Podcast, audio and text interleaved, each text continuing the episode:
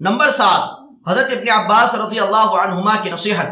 وحب بن منبہ کہتے ہیں کہ حضرت عبداللہ بن عباس رضی اللہ عنہما کی ظاہری بینائی جانے کے بعد میں ان کو لیے جا رہا تھا۔ وہ مسجد حرام میں تشریف لے گئے۔ وہاں پہنچ کر ایک مجمع سے کچھ جھگڑے کی آواز آ رہی تھی۔ فرمایا، مجھے اس مجمع کی طرف لے چلو۔ میں اس طرف لے گیا۔ وہاں پہنچ کر آپ نے سلام کیا۔ ان لوگوں نے بیٹھنے کی درخواست کی تو آپ نے انکار فرما دیا۔ اور فرمایا کہ تمہیں معلوم نہیں کہ اللہ کے خاص بندوں کی جماعت وہ لوگ ہیں جن کو اس کے خوف نے چپ کر رکھا ہے۔ حالانکہ وہ نہ عاجز ہے نہ گونگے، بلکہ فصیح لوگ ہیں، بولنے والے ہیں، سمجھدار ہیں۔ مگر اللہ تعالیٰ کے بڑائی کے ذکر نے ان کی عقلوں کو اڑا رکھا ہے۔ ان کے دل اس کی وجہ سے ٹوٹے رہتے ہیں اور زبانیں چپ رہتی ہیں۔ اور جب اس حالت پر ان کو پختگی میسر ہو جاتی ہے، تو اس کی وجہ سے نیک کاموں میں وہ جلدی کرتے ہیں۔ تم لوگ ان سے کہاں ہٹ گئے؟ وہ کہتے ہیں کہ اس کے بعد میں نے دو آدمیوں کو بھی ایک جگہ جمع نہیں دیکھا۔